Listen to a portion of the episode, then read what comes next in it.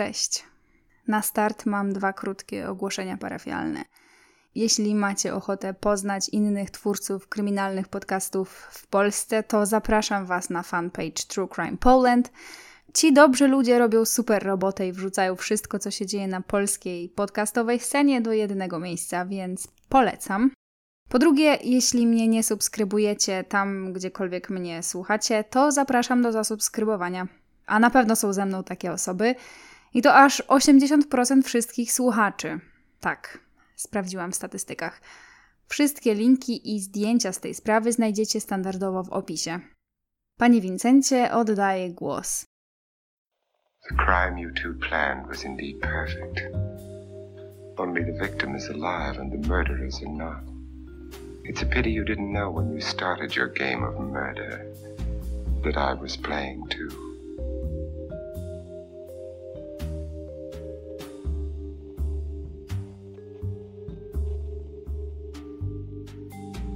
Stany Zjednoczone, rok 1973. Rok, w którym pierwsi amerykańscy jeńcy wojenni zostają uwolnieni z Wietnamu. Rok, w którym amerykańskie towarzystwo psychiatryczne usuwa homoseksualizm z listy zaburzeń psychicznych. Rok, w którym zostaje wykonane pierwsze historyczne połączenie przez telefon komórkowy. W 1973 roku w radiach króluje Roberta Flack, a na ekranach Egzorcysta, film, który zdobywa popularność dzięki wymiotującej i mdlejącej na salach widowni. 1973 to też rok, w którym kilkadziesiąt osób na cmentarzu w Seattle pożegnało Bruce'a Lee. Hollywoodzki aktor Steve McQueen z bliskimi Bruce'a niósł jego trumnę w akompaniamencie My Way Franka Sinatry, nie przypuszczając pewnie, że ten niezbyt znany w Ameryce człowiek już za kilka miesięcy stanie się pierwszą azjatycką gwiazdą na kontynencie. Sam Bruce niestety nie będzie miał szansy tego doczekać. W tej opowieści będzie tyle teorii, ile nie pojawiło się chyba we wszystkich moich dotychczasowych podcastach razem wziętych i przemnożonych razy dwa – Będą tu japońscy ninja, będzie wibrująca pięść, będzie mafia, prostytutka, kochanka, żona, zły producent, narkotyki, choroby, samobójstwo, a nawet sfingowanie własnej śmierci. Która z tych wersji jest prawdziwa? Co tak naprawdę stało się z Bruce'em Lee, facetem, który w wieku 32 lat zmarł nagle i bez jakiejkolwiek sensownej przyczyny? Czy oficjalna wersja wydarzeń po ponad 40 latach nadal ma ręce i nogi? Na to pytanie odpowiem Wam od razu. Najprawdopodobniej nie ma ani rąk, ani nóg. Czy podam Wam jedną prawdziwą naukową wersję tłumaczącą na 100% co się stało? Również nie. Ale czy jesteście tutaj dla nauki?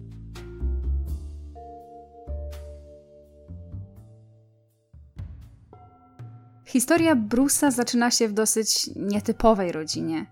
Jego ojciec Lee Hoi Chuen pochodził z bardzo biednej rodziny i bardzo szybko opuścił dom, żeby szkolić się na śpiewaka w chińskiej operze.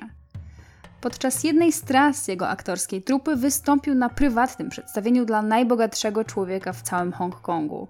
I tak się złożyło, że ten najbogatszy człowiek Hongkongu miał pod swoją opieką bratanicę Grace. Historia rodziców Bruce'a Lee brzmi jak scenariusz typowej komedii romantycznej. On jest ubogim artystą, a ona panną z dobrego domu. Oczywiście, jak to w porządnym romansidle bywa, rodzina musiała się temu związkowi sprzeciwiać. Ostatecznie para się jednak pobrała i w sumie doczekała się piątki dzieci. Wspólnie zamieszkali w Hongkongu, który w przeciwieństwie do Chin kontynentalnych od połowy XIX wieku był pod rządami Wielkiej Brytanii. Ale jeśli natknęliście się kiedyś na informację, że Bruce urodził się w Stanach Zjednoczonych, to jest to prawda. Kiedy Grace była w ciąży, para zostawiła na rok dzieci w Hongkongu i wyjechała na turnę z grupą Hoichuena. Bruce Lee przyszedł na świat 27 listopada 1940 roku na amerykańskiej ziemi, a dokładnie to w San Francisco. I urodził się w fantastycznym układzie planet – w chińskiej astrologii przypisuje się jedno z dwunastu zwierząt do roku urodzenia, miesiąca, dnia i godziny. Bruce urodził się w roku i godzinie smoka, miesiącu świni i dniu psa. Dwa razy smog dawał rodzicom wielki powód do dumy, bo taki układ zwiastował wielkość i pomyślność. Poza występami ze swoją aktorską trupą, ojciec Bruce'a od czasu do czasu występował też w filmach. Właśnie dzięki niemu swój aktorski debiut Bruce zaliczył już jako noworodek. Grał co prawda wtedy dziewczynkę, ale w sumie komu by to robiło różnicę. Po powrocie do Hongkongu zapadł na groźną chorobę. Był przez to przez większość okresu dorastania trochę słabszy niż rówieśnicy, dużo wątlejszy i dużo bardziej niezdarny. Czytałam nawet taką informację, że do czwartego roku życia tak średnio umiał chodzić. Na całe szczęście, pomimo wielkiego głodu w okupowanym kraju, rodzinie Bruce'a udało się wieść takie w miarę przyzwoite życie. Żeby tego było mało, w latach 50. Hongkong stał się centrum chińskiego filmowego świadka. Hoi Chuen stał się więc dosyć dobrze opłacanym aktorem. Dzięki temu dzieciństwo Bruce'a należało raczej do tych spokojnych i całkiem udanych. Ojciec do czasu do czasu załatwiał mu drobne role w filmach. W sumie jako dziecięcy i nastoletni aktor Bruce wystąpił w ponad 20 filmach. Czy już wtedy uznał, że zostanie aktorem? Trudno powiedzieć. Wydaje mi się, że to była raczej dla niego taka zabawa i odskocznia. Tym bardziej, że no, e, energii miał w sobie sporo. No, co tu dużo mówić. Bruce był dzieciakiem bardzo niesfornym. Taka butność pozostała mu właściwie do końca życia. Żeby się nieco uspokoił, ojciec uczył go tai chi, więc właśnie tai chi stało się pierwszym stylem walki z wielu styli, jakie przyjdzie mu w życiu posmakować. Na niewiele się to jednak zdało, bo jako nastolatek Bruce zebrał wokół siebie świtek Olegów i założył własny gang. Wiecie, no nie był to jakiś gang, który zabierał kobietom torebki na ulicach czy bił przechodniów, ale robili różne psikusy w szkole, czasem kogoś zastraszyli, czasem komuś zapłacili, żeby odrobił za nich lekcje. No, standardowe zajęcie szkolnego gangu. Nie, żebym kiedyś w takim gangu była, ale tak to sobie przynajmniej wyobrażam. Rodzice robili wszystko, żeby go jakoś utemperować. Niestety niewiele to zmieniało. W dodatku hongkońskich nastolatków opanował nacjonalizm, więc nie raz, nie dwa z ręki Bruce'a oberwało się jakiemuś Brytyjczykowi, który szedł nie tą stroną ulicy albo podrywał dziewczyny rasy nie tej, co powinien. Żeby jeszcze bardziej podszkolić swoje chuligańskie umiejętności, nastoletni Bruce zapisał się na popularne wtedy zajęcia kung fu. A dokładnie to styl kung fu zwany Wing Chun. No niestety, bardzo bym chciała, żeby jego motywacje były bardziej szlachetne. Oczywiście później będą, ale zaczął trenować właśnie po to, żeby lepiej bić się na ulicy. No i się bił, przez to jeszcze bardziej zaniedbywał szkołę i wdawał się w problemy z policją. Kiedy rodzice już całkowicie nie dawali sobie z nim rady, postanowili podjąć jedyną słuszną i rozsądną decyzję. Jako, że chłopak miał obywatelstwo amerykańskie, no bo w końcu urodził się w Ameryce, to stwierdzili, że wyślą go za ocean w obcym kraju i daleko od swojego środowiska miał trochę wymężnieć i przestać się wygłupiać. I wiecie co? Natychmiast zmężniał i przestał się wygłupiać. Właściwie w kilka tygodni zmienił się dosłownie o 180 stopni. Nie był już niesfornym dzieciakiem, co więcej, planował nawet studiowanie medycyny.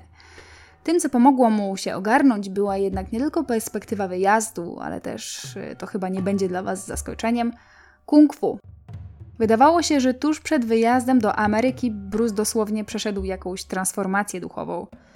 To nie było tak, że już nie szukał zaczepki i nie lubił prowokować. Co to, to nie. Ale nauczył się odprężać, w czasie walki zaczął uspokajać umysł, coraz częściej wspominał o jedności człowieka z naturą. No, wszystko, co wcześniej było mu obce.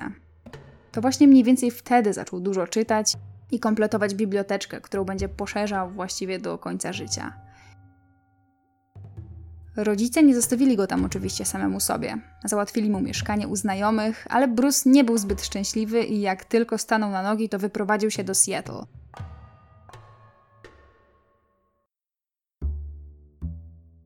Co robił Seattle? Pracował jako kelner, pilnie się uczył, a po szkole i pracy doskonalił swoje kung fu.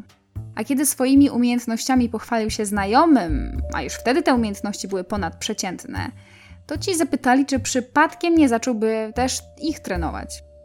I tak w końcu się stało. Uczył kung fu najpierw tylko kolegów, potem kolegów kolegów, aż w końcu w niektórych kręgach stał się całkiem popularny jako trener.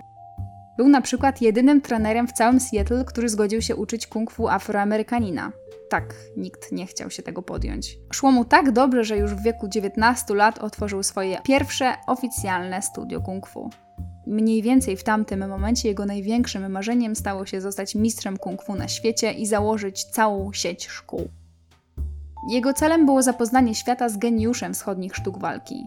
A muszę tylko powiedzieć, że lata 60. to nie były łatwe czasy dla Azjaty w Ameryce. Śluby międzyrasowe były niedozwolone, w żadnych mainstreamowych mediach Azjatów po prostu nie pokazywano i samemu Bruce'owi też nie raz, nie dwa zdarzało się słyszeć na ulicy niezbyt pochlebne opinie o swoim istnieniu.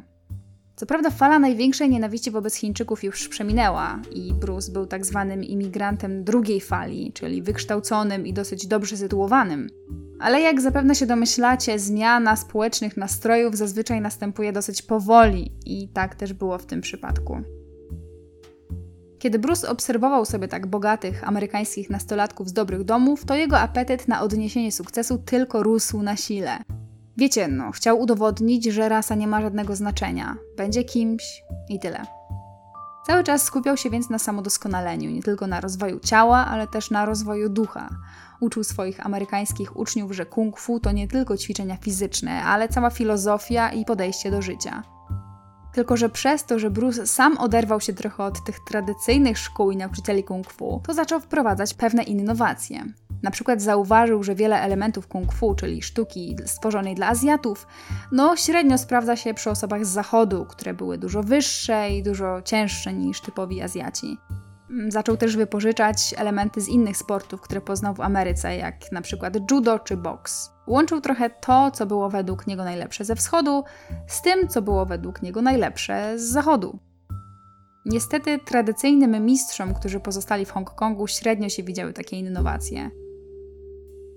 Kiedy zadowolony Bruce wyjechał do rodzinnego kraju na wakacje i spotkał się z tamtejszymi nauczycielami, no to oni nie podzielali jego entuzjazmu. Owszem, Bruce wyróżniał się spośród innych szybkością i niezwykłą wręcz koordynacją ruchów, ale jakie zmiany? Po to ustalano zasady, żeby ich nie łamać. W przeciwieństwie do chińskich tradycjonalistów, Bruce od początku uważał, że sztuki walki powinny być po prostu praktyczne. W ten sposób właściwie z dnia na dzień Bruce został zdrajcą tradycji. Nie tylko przez to, że próbował coś mieszać, ale też, a może i przede wszystkim, dlatego, że uczył tajnej sztuki kung fu ludzi z zachodu. Ale Bruce, y, stety, niestety, zdążył już przesiągnąć kulturą zachodu. Nie miał problemu z tym, żeby przyjaźnić się z białymi, ani z tym, żeby umawiać się z białymi dziewczynami. Pod koniec studiów związał się właśnie z taką typową białą amerykańską dziewczyną Lindą. Linda, która urodziła się i wychowała w Seattle, przygotowywała się właśnie do studiów medycznych. Poznali się na jego zajęciach. Była po prostu jedną z jego uczennic. Chociaż matka Lindy i rodzice Bruce'a oczywiście sprzeciwiali się temu związkowi, no to kiedy okazało się, że Linda spodziewa się dziecka, to nie było żadnych wątpliwości, że zostaną małżeństwem. To był wielki szok, bo chociaż małżeństwa międzyrasowe były co prawda już legalne, ale wciąż pozostawały tematem tabu. Tak oto z ulicznego rozrabiaki Bruce zamienił się w idealnego ojca dla syna Brandona, a potem też dla córki Shannon. No dobra, ale mamy tutaj długą historię o zbuntowanym Azjacie, który uczy Amerykanów sztuk walki. Jak to się więc stało, że w końcu został zauważony w Hollywood? Co prawda Bruce studiował w Seattle aktorstwo, ale nie sądzę, żeby spodziewał się, że otworzy mu to drogę do aktorskiej kariery w Ameryce. W tamtym czasie nie było prawie żadnych ról dla Azjatów, bo nikogo ten temat nie interesował. Jedną nogą Bruce wszedł na salony dzięki turniejowi karate w Long Beach. To było takie wydarzenie, gdzie w jednym miejscu zebrano najlepszych mistrzów sztuk walki z całego kraju, by dali pokazy swoich umiejętności. Wszystko to oglądali nie tylko ludzie z branży, ale też szychy z Hollywood. Tam Bruce poznał m.in. Jaya Sabringa, fryzjera gwiazd i jednocześnie ówczesnego chłopaka Sharon Tate, który uczył się bodajże karate. A że przez jego salon fryzjerski przewijała się niezliczona wręcz ilość nazwisk z branży, to Jay dowiedział się, że pewien znany producent szuka Azjaty do swojego najnowszego serialu. I wiecie, no, znalezienie takiego aktora nie było wtedy tak proste jak dzisiaj.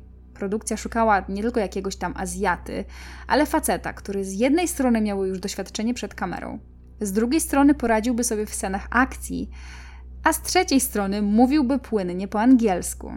Naturalnie Jay podrzucił mu nazwisko Bruce'a.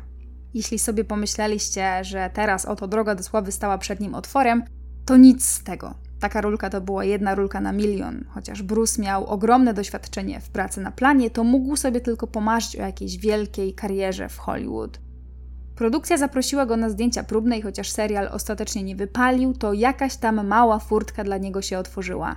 Wypadł na zdjęciach próbnych tak dobrze, że jakiś czas później zaproponowano mu rolę Keito w serialu Zielony Szerszeń. Producenci potrzebowali po prostu Azjaty. Szczerze mówiąc, było dla nich nieważne, czy to będzie Japończyk, Wietnamczyk czy Chińczyk. Plusem, a przynajmniej plusem dla Brusa, było to, że serial przewidywał sporo scen walki. Dla Brusa to była szansa, żeby przedstawić Ameryce chińskie kung fu. Co śmieszne, spośród wszystkich rzeczy, które na amerykańskim planie mogłyby mu sprawiać problemy, to najgorzej mu szło właśnie kręcenie scen walki. Dlaczego? Ano, ciosy i kopnięcia Brusa były tak szybkie, że kamera w ogóle nie uchwycała żadnego ruchu. Produkcja musiała go błagać, żeby ruszał się wolniej. Zielonego szerszenia, co prawda, skasowano po jednym sezonie, ale Brusa oceniano dosyć dobrze i zyskał niewielką, bo niewielką, ale jakąś tam popularność. Postanowił więc rozszerzyć tę rozchyloną już troszeczkę furtkę do Hollywood. Namówił więc Jaya Sebringa, żeby szepnął o nim kilku swoim hollywoodzkim ziomkom. Chociaż ról nadal nie było zbyt dużo, to dzięki tej znajomości z Sebringiem Bruce szybko stał się prywatnym nauczycielem sztuk walki gwiazd. Uczył Romana Poleńskiego, uczył Sharon Tate, kiedy przygotowywała się do filmu. Był nawet zatrudniony w roli eksperta na planie filmu The Wrecking Crew – tego filmu, który ogląda Margot Robbie w filmie Tarantino. Jego największym przyjacielem w Hollywood został jednak Steve McQueen. Od tamtej pory Bruce chciał być większą gwiazdą niż Steve McQueen. Bruce nie uczył już jednak tradycyjnego kung fu. Stworzył własny styl, który nazwał Jeet Kune Do – nie chcę tutaj wdawać się w szczegóły na temat różnic, bo absolutnie nie jestem ekspertem, więc podlinkuję zainteresowanym kilka książek, które szeroko opisują ten styl i co różniło go od kung fu. Generalnie swoich uczniów trenował w takim bardzo, nazwijmy to, zachodnim, nowoczesnym stylu. Korzystał z różnych rodzajów sportu podnoszenia ciężarów, rowera, skakanki, biegania. No, stawiał na wzmacnianie i trenowanie całego ciała, a nie tylko wyuczonych sekwencji ruchów, które przydadzą się podczas walki. To nauczanie gwiazd wychodziło mu do tego stopnia, że w 1968 roku był już najpopularniejszym instruktorem sztuk walki w całym Hollywood. Dzięki nowym znajomościom otrzymywał kolejne, cały czas drobne rulki w serialach i filmach. No właśnie, rulki. Brusa nie satysfakcjonowały rulki. Był przekonany, że jest zdolny do czegoś więcej. No to w związku z tym, że nikt go nie chciał obsadzić w dużej roli, to postanowił, dosyć odważnie nie powiem, że wyprodukuje własny film. Ale produkcja własnego filmu to nie była taka prosta sprawa, nawet w latach 70. Wiedział, że Ameryka po prostu nie jest na niego jeszcze gotowa, więc uznał, że musi spróbować rozwinąć swoją karierę gdzieś indziej. Oczywiście w rodzimym Hongkongu. Rynek filmowy, a przede wszystkim upodobania widowni były w Hongkongu znacznie różne od tego, co działo się wtedy w Hollywood. Przede wszystkim tam w ogóle istniało coś takiego jak filmy z gatunku sztuk walki. Na zachodzie nikt o tym jeszcze nie słyszał. W Hongkongu na szczęście szybko poznano się na jego talencie. A dokładnie to poznał się na nim Raymond Chow, szef nowej hongkońskiej wytwórni Golden Harvest. Raymond od razu zaproponował Bruce'owi rolę w dwóch filmach: Wielkim Szefie i Wściekłych Pięściach. Z dnia na dzień po premierze tego pierwszego filmu publika się zakochała. Okazało się, że Bruce miał do zaoferowania widowni coś nieco innego niż reszta aktorów, którzy demonstrowali swoje tradycyjne kung fu czy karate. W jeden rok Bruce Lee stał się największym gwiazdorem w całym kraju. Uwielbiali go wszyscy. Dzieci, dorośli, kobiety, mężczyźni, prasa, wszyscy. Bruce i Raymond już planowali kolejne filmy z dużo większymi budżetami. Uradowany sukcesem nie tylko trenował ciężej niż kiedykolwiek, ale też zaczął pisać scenariusz do własnego filmu. Kiedy doszło do oficjalnej premiery w Hongkongu na początku 1973 roku, to padły kolejne kasowe rekordy. Co na to Bruce? Bruce nie był zadowolony. Jako urodzony perfekcjonista, nieważne jak ciężko pracował nad filmem, cały czas widział przestrzeń do poprawki. Stwierdził, że zrobi nowy film ostateczne, idealne dzieło, które pokaże jego Jeet Kune Do nie tylko jako styl walki, ale też całą filozofię, jaka za nim szła. I wtedy stało się coś, co miało zmienić największą gwiazdę Hongkongu w jedną z największych gwiazd na świecie. Nowym scenariuszem Bruce'a zainteresowało się Hollywood, a dokładnie to wytwórnia Warner Bros.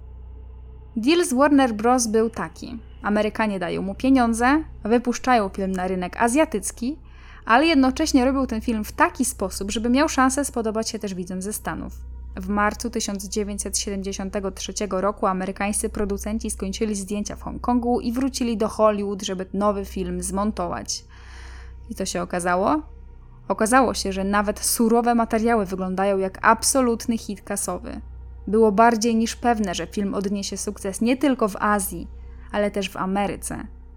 Roboczy tytuł Wejście smoka.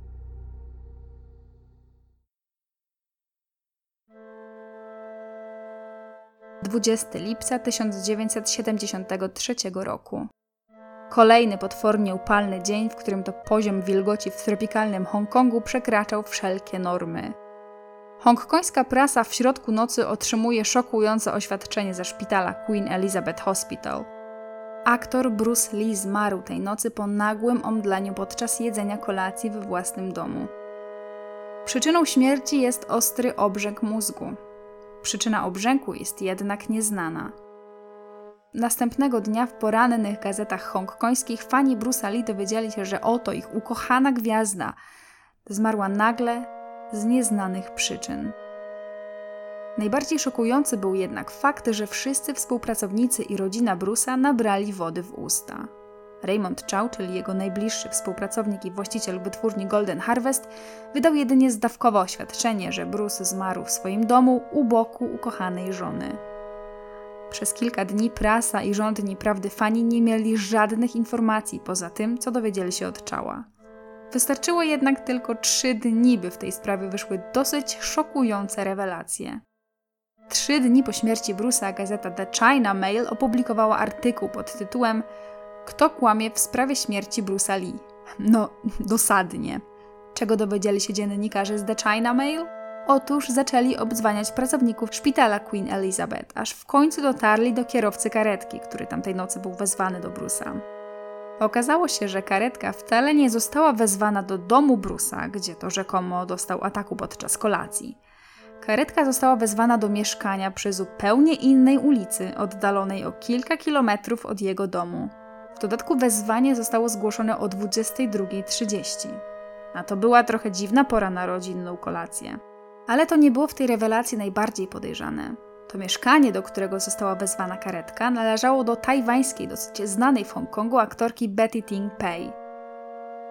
No więc prasa, jak to prasa, zaczęła snuć przepuszczenia, że Betty musiała być kochanką Bruce'a. Aktorka miała 26 lat i była właśnie świeżą rozwódką. Kilka lat wcześniej przyjechała do Hongkongu i dołączyła do konkurencyjnej wytwórni Show Brothers Studio. Dziennikarze dotarli do tego, że ta dwójka poznała się najpewniej jakiś rok wcześniej i że Betty była stałobywalczynią planów zdjęciowych Bruce'a. To było o tyle ciekawe, że Betty pracowała dla innej wytwórni i nie grała w filmach razem z Bruce'em. Prasa natychmiast przepytała Roberta Lee, czyli brata Bruce'a. Chcieli skonfrontować go z plotkami o kochance, albo chociaż potwierdzić oficjalną wersję Raymonda Chała – i co? Jego wersja się trochę nie zgadzała z oficjalną wersją Raymonda Chała. Raymond twierdził, że Bruce zemdlał przy kolacji, a Robert, że Bruce umarł spacerując z żoną po ogrodzie. Żona Bruce'a cały czas milczała. Te niespójne doniesienia były tak niewiarygodne, że niektórzy zaczęli nawet snuć domysły, czy to wszystko to nie byłaby kiepsko zaplanowana kampania promocyjna dla nowego filmu. Serio, aż tak to się nie trzymało kupy. Dziennik The China Mail, a za nim wszystkie inne hongkońskie i nie tylko hongkońskie gazety donosiły, że ostatnie godziny życia Bruce Lee spędził w mieszkaniu kochanki. Żeby uniknąć konfrontacji z dziennikarzami, Raymond Chow przestał odbierać telefony z prasy. Co mówiła z kolei przyłapana na gorącym uczynku Betty? Betty zapewniała, że tamtego wieczoru nie było jej w domu, a w ogóle to widziała Bruce'a ostatni raz jakieś kilka miesięcy temu, w dodatku całkowicie przypadkiem. No ale dziennikarze nie byli tacy głupi. Od razu zaczęli przepytywać całą rodzinę i sąsiadów Betty. I tak jak na przykład jej brat potwierdził wersję wydarzeń siostry, to sąsiedzi nie byli już tacy lojalni. Tak, wszyscy sąsiedzi z budynku, w którym mieszkała, opowiadali prasie, że Bruce jest stałym, cotygodniowym bywalcem jej mieszkania. Wiecie, no jednak facet był rozpoznawalny, więc zapewne zwrócili uwagę na to, że do mieszkania znanej aktorki przychodzi co tydzień największa gwiazda Hongkongu. Kiedy te informacje wyszły na jaw, prasa zaczęła głośno spekulować, czy to nie przypadkiem Betty zabiła, otruła, czy cokolwiek zrobiła Bruce'owi. Pojawiła się więc pierwsza teoria na temat śmierci Bruce'a Lee. Zazdrosna kochanka. Kilka dni później Raymond Chow wydał w końcu nowe oświadczenie. Przyznał się, że kłamał. Rzeczywiście, no Bruce nie zemdlał podczas kolacji z żoną.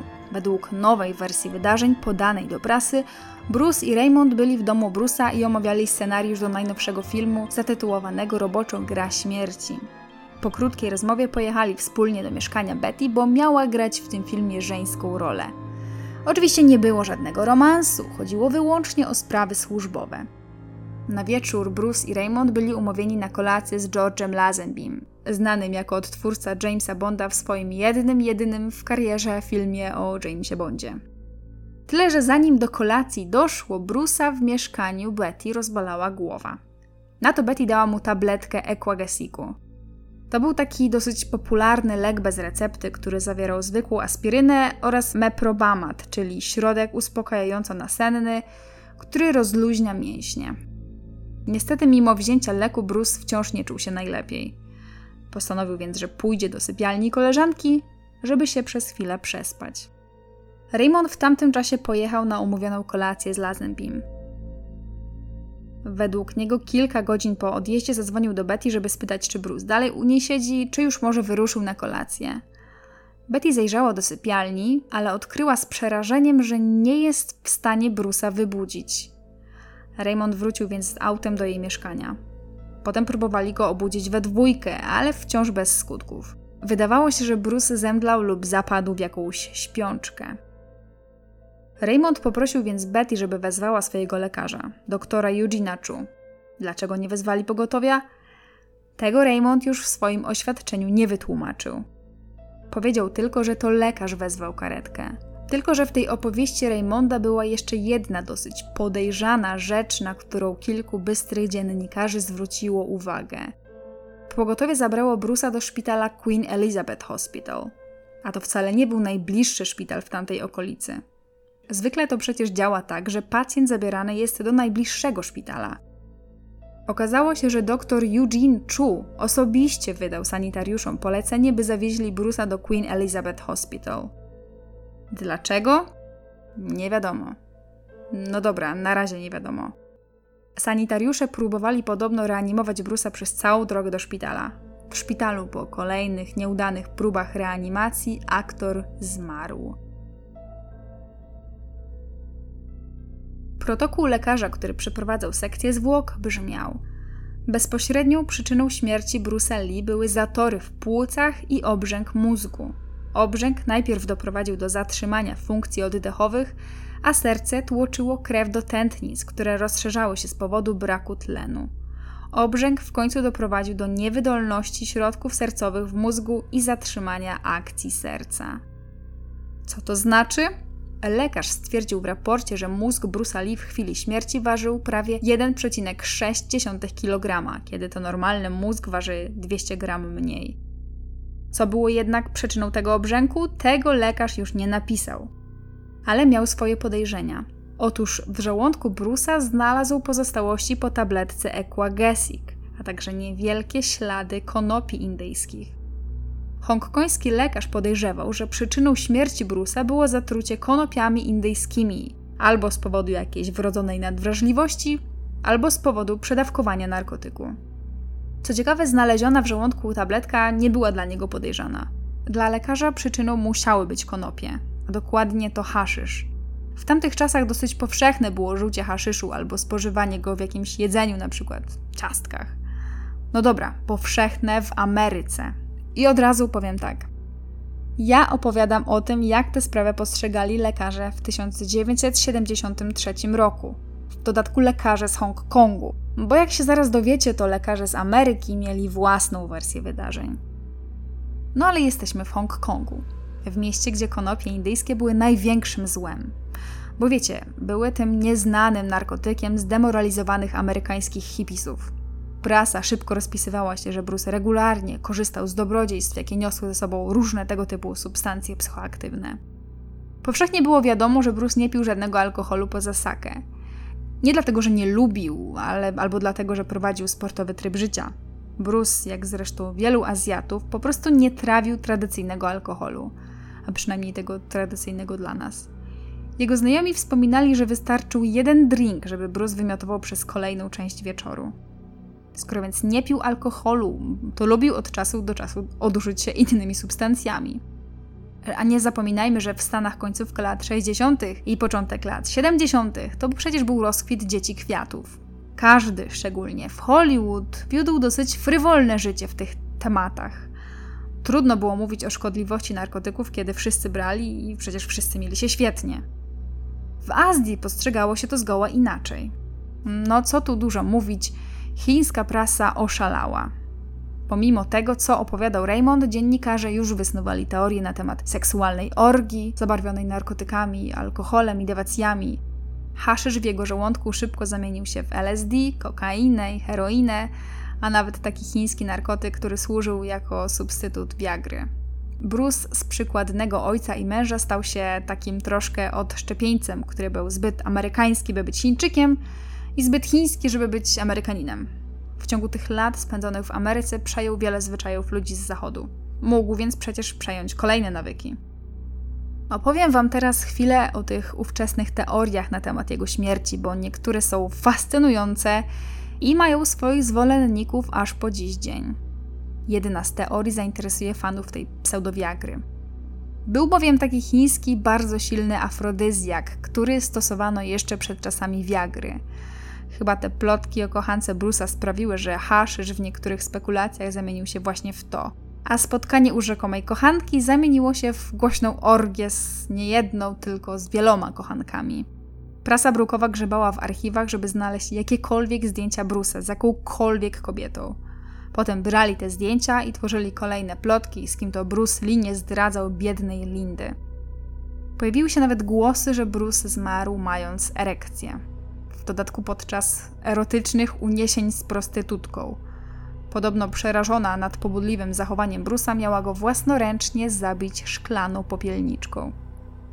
Doszło nawet do tego, że pewien chiński dziennikarz podstępem włamał się do kostnicy, żeby na własne oczy sprawdzić, czy owa erekcja u nieboszczka nadal była widoczna. No dziwne miał ten pan fetysze, ale czego się nie robi dla taniej sensacji. Niestety nie zdążył sfotografować dolnych części ciała, ale za to sfotografował tę górną część.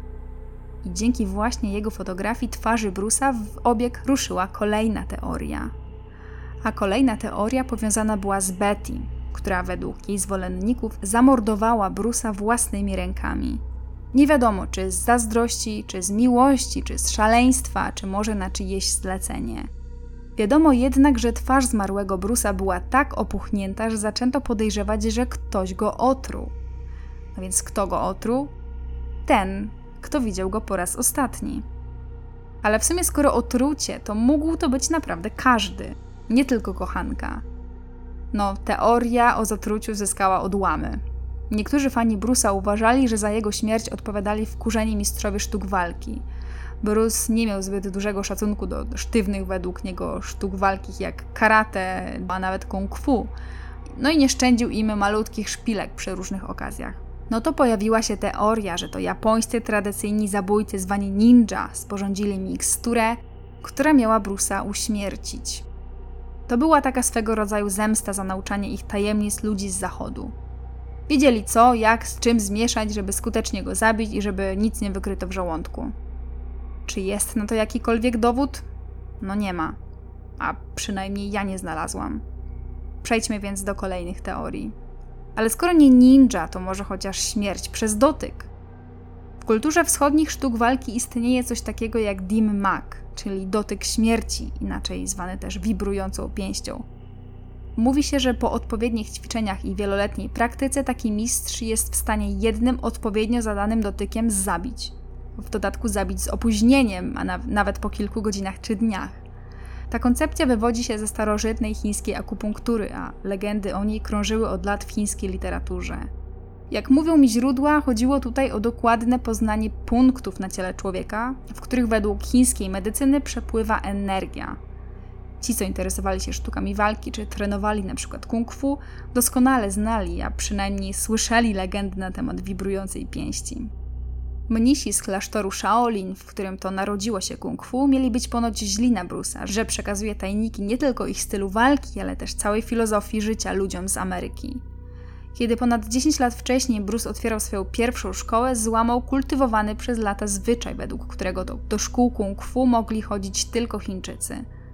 Tymczasem, jak wiemy, Bruce uczył wszystkich Azjatów, białych, czarnych, no dla niego nie było żadnej różnicy. W 1985 roku w magazynie Black Belt pojawił się całkiem poważny artykuł o Dim Mak. W tym artykule padła całkiem poważna sugestia, że to właśnie była przyczyna śmierci Bruce'a. Nie ma jednak żadnych naukowych wyjaśnień na to, czy coś takiego jest w ogóle możliwe, więc naturalnie ta teoria jest zazwyczaj z góry odrzucana. Pomiędzy tymi pogłoskami o japońskich ninja, dotykiem śmierci, orgio z heroiną i zabójczą kochanką była Linda Lee, która na dzień przed wylotem do USA w końcu po raz pierwszy przemówiła w mediach. Pozwólcie, że ją zacytuję. Chciałabym, żeby gazety i publiczność Hongkongu przestali spekulować na temat okoliczności śmierci mojego męża. Uważam, że to była śmierć naturalna. Nikogo nie uważam za winnego tej śmierci. Będzie żył w naszych wspomnieniach i filmach. Tragedię musiała przeżyć ta kobieta, tym bardziej, że nie dość, że straciła męża, nie dość, że wszyscy głośno opowiadali o tym, że ją zdradzał, to jeszcze wokół jego śmierci każdego dnia pojawiały się nowe historie wylała się na nią dosłownie fala szamba, bo po pierwsze postanowiła zorganizować Bruce'owi dwa pogrzeby, a po drugie, co gorsze, pochować go w Stanach. Wielką chińską gwiazdę, której praktycznie nikt poza Chinami nie znał, chciała pochować na obcej, w dodatku amerykańskiej ziemi. To był dla fanów cios. Na pogrzebie w Hongkongu, który odbył się rzecz jasna jako pierwszy, zgromadził się potężny tłum fanów i przyjaciół z branży. Ludzie czatowali całą noc, żeby zobaczyć, jak wynoszą trumnę, pod którą spoczywała napuchnięta, nieprzypominająca siebie twarz Brusa. Byli tam wszyscy. Wszyscy poza Betty Ting Pei. Rzekoma kochanka Brusa wysłała tylko wiązankę z krótką notatką od Betty dla Brusa.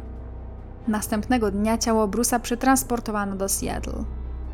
Żeby złagodzić trochę publiczne oburzenie, wytwórnia Golden Harvest wysłała kamerzystę, który miał sfilmować amerykański pogrzeb. Bruce'a pochowano na cmentarzu Lakeview w specjalnym sektorze chińskim. Na amerykańskim pogrzebie również pojawili się fani i ludzie z branży. Tutaj jednak zamiast tysięcy było zaledwie kilkadziesiąt osób ze Steve'em McQueenem na czele.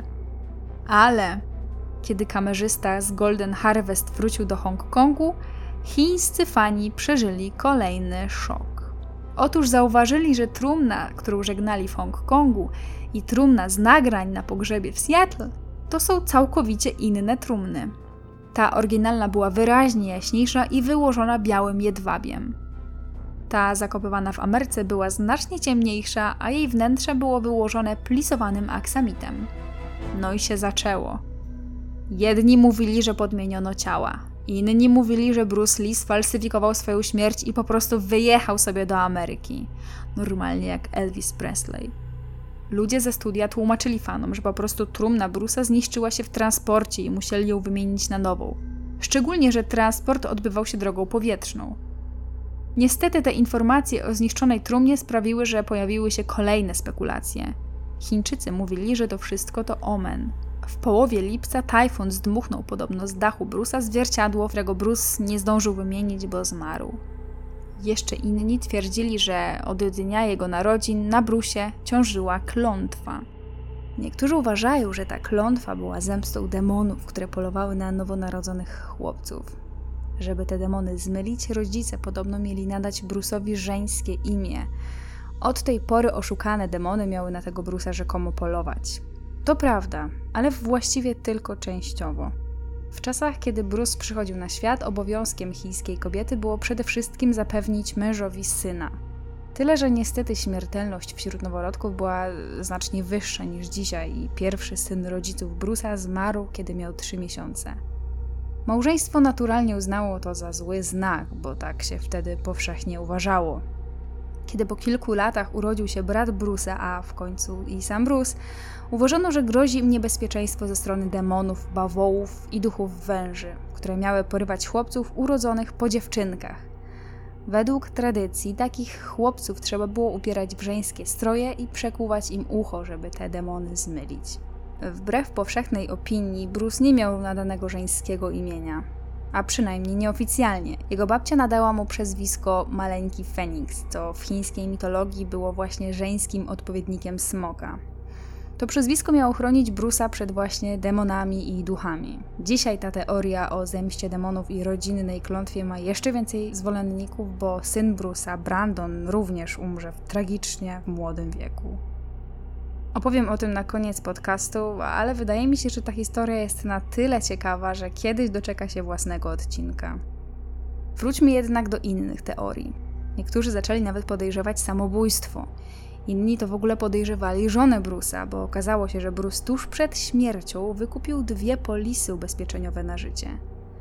Pierwszą wykupił w lutym i opiewała sumę 200 tysięcy dolarów, drugą w kwietniu ta druga polisa była na 1 300 tysięcy.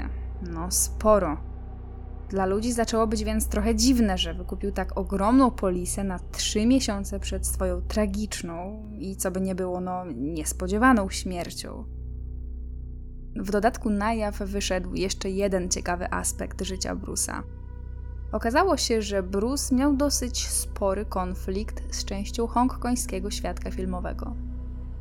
Jego szczególnym, można by powiedzieć, wrogiem był reżyser Lowey, który wyreżyserował dwa pierwsze filmy Bruce'a i od dawna bardzo lekceważąco wypowiadał się o nim w prasie.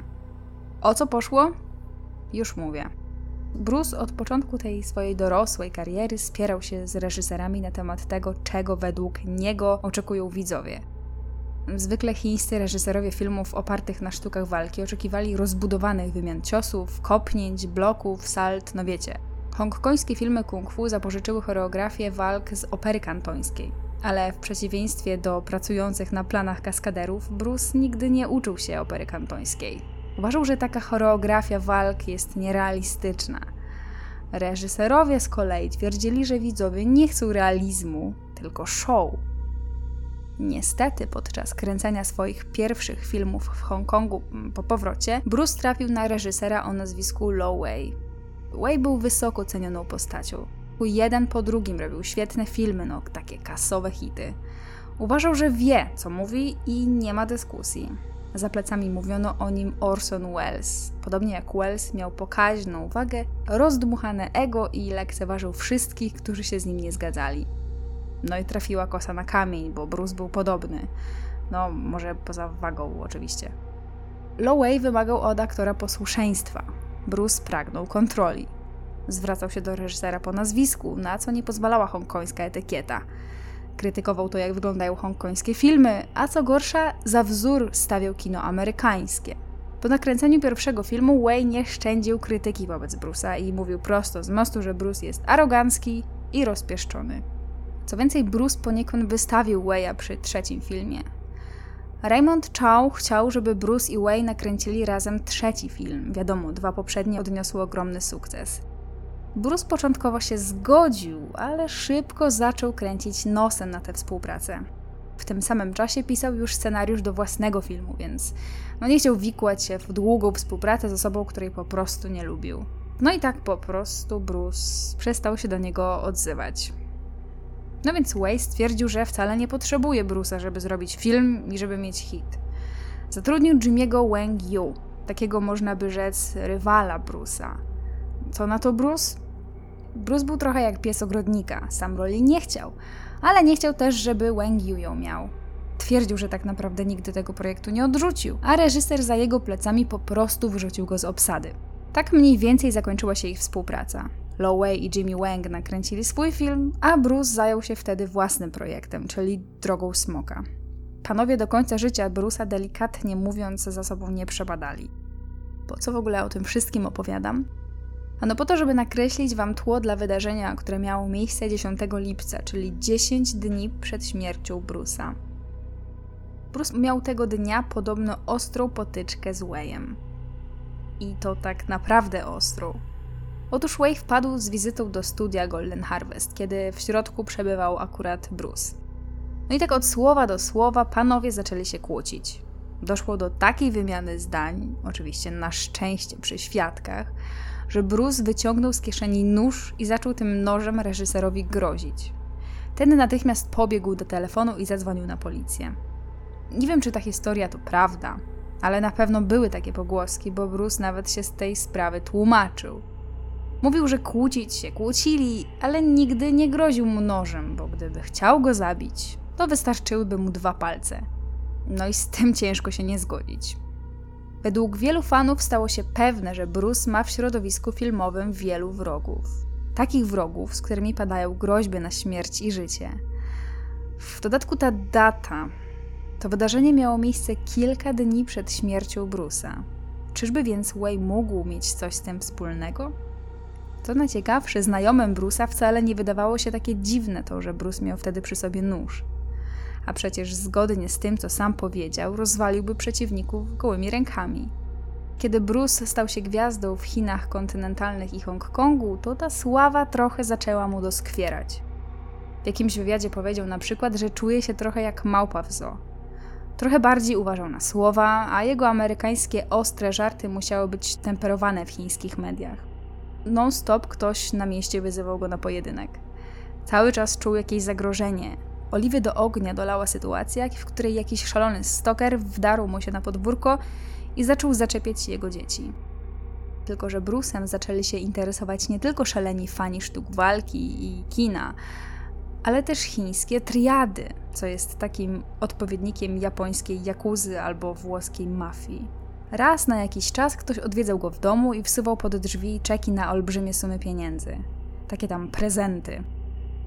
Z tego, co powszechnie wiadomo na temat Brusa, to nigdy tych pieniędzy nie przyjął, ale wiadomo, że zaczął być coraz bardziej nieufny wobec poznawania nowych ludzi.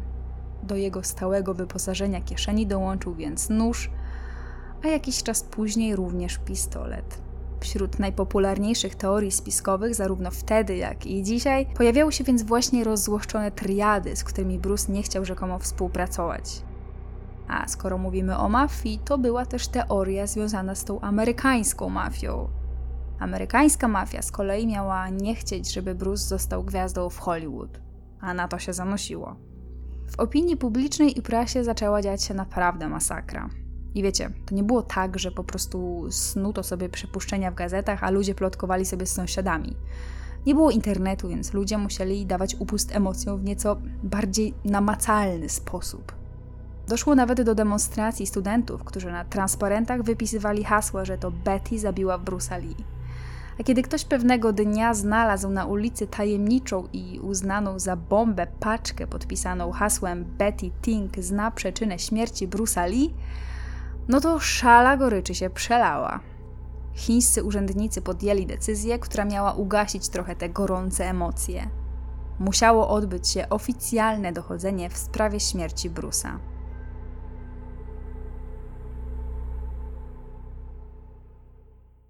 Dochodzenie koronera rozpoczęło się 3 września 1973 roku. I teraz powiem Wam, jak to działa, a wydaje mi się, że działa dosyć podobnie do systemu amerykańskiego.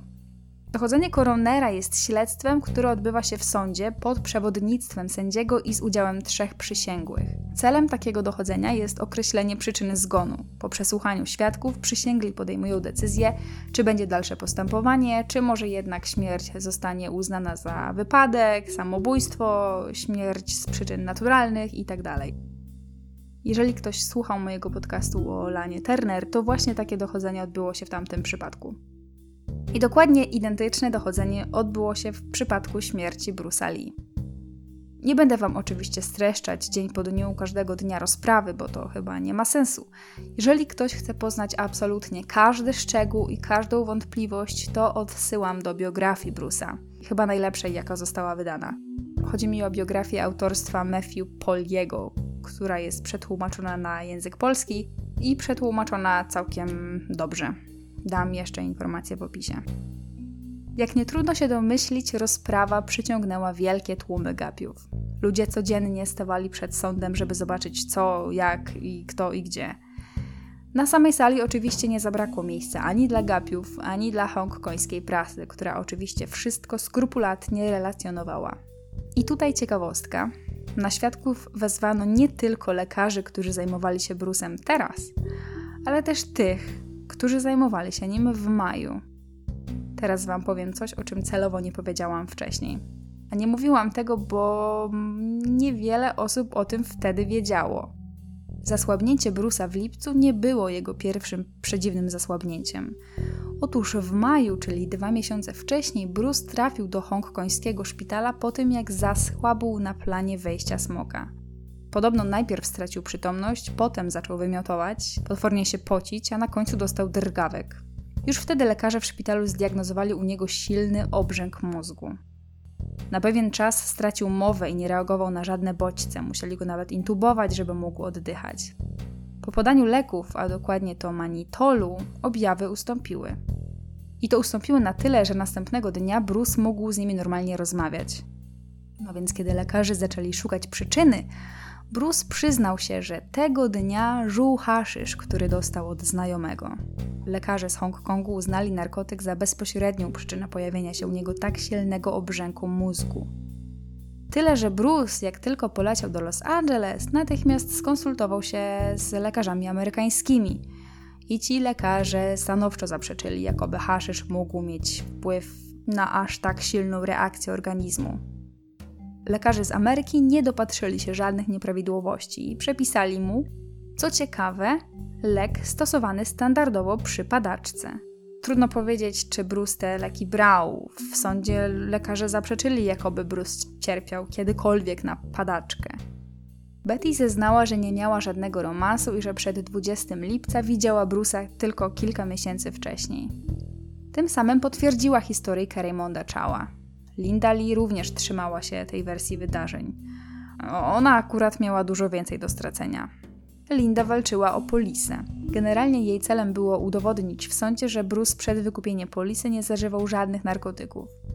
Bruce w podaniu o polisę napisał, że nie bierze narkotyków, więc gdyby wydało się, że regularnie coś tam brał, to wyszłoby, że nakłamał w podaniu i polisa byłaby nieważna.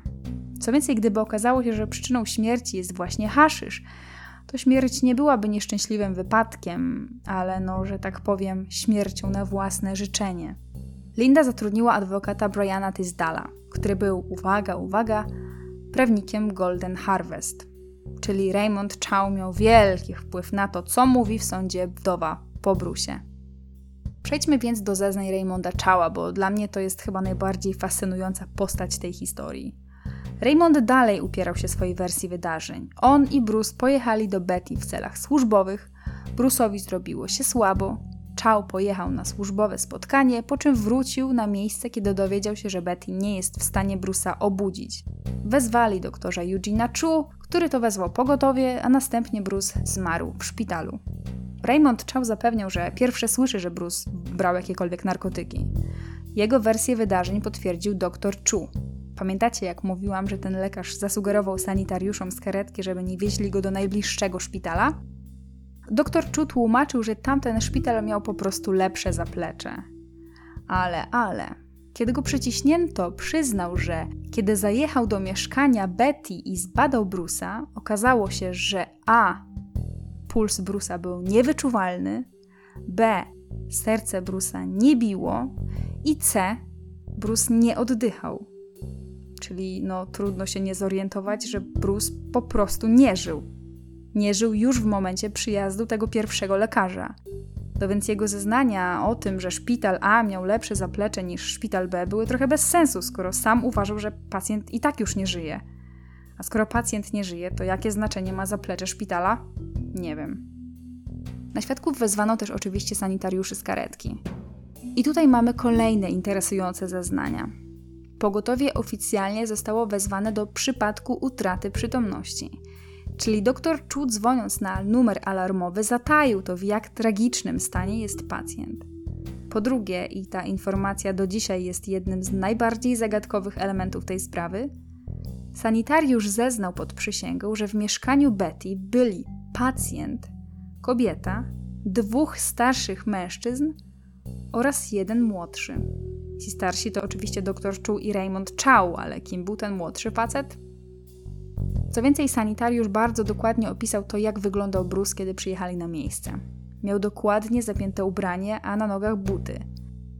To wzbudziło kolejne pytania. Skoro Bruce położył się do łóżka spać, to jakim cudem był ubrany? W dodatku w butach.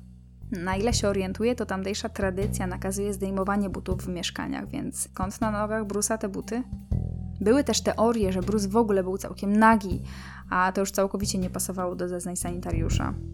Te zeznania sprawiły, że wśród opinii publicznej znowu zawrzało i pojawiły się nowe dywagacje.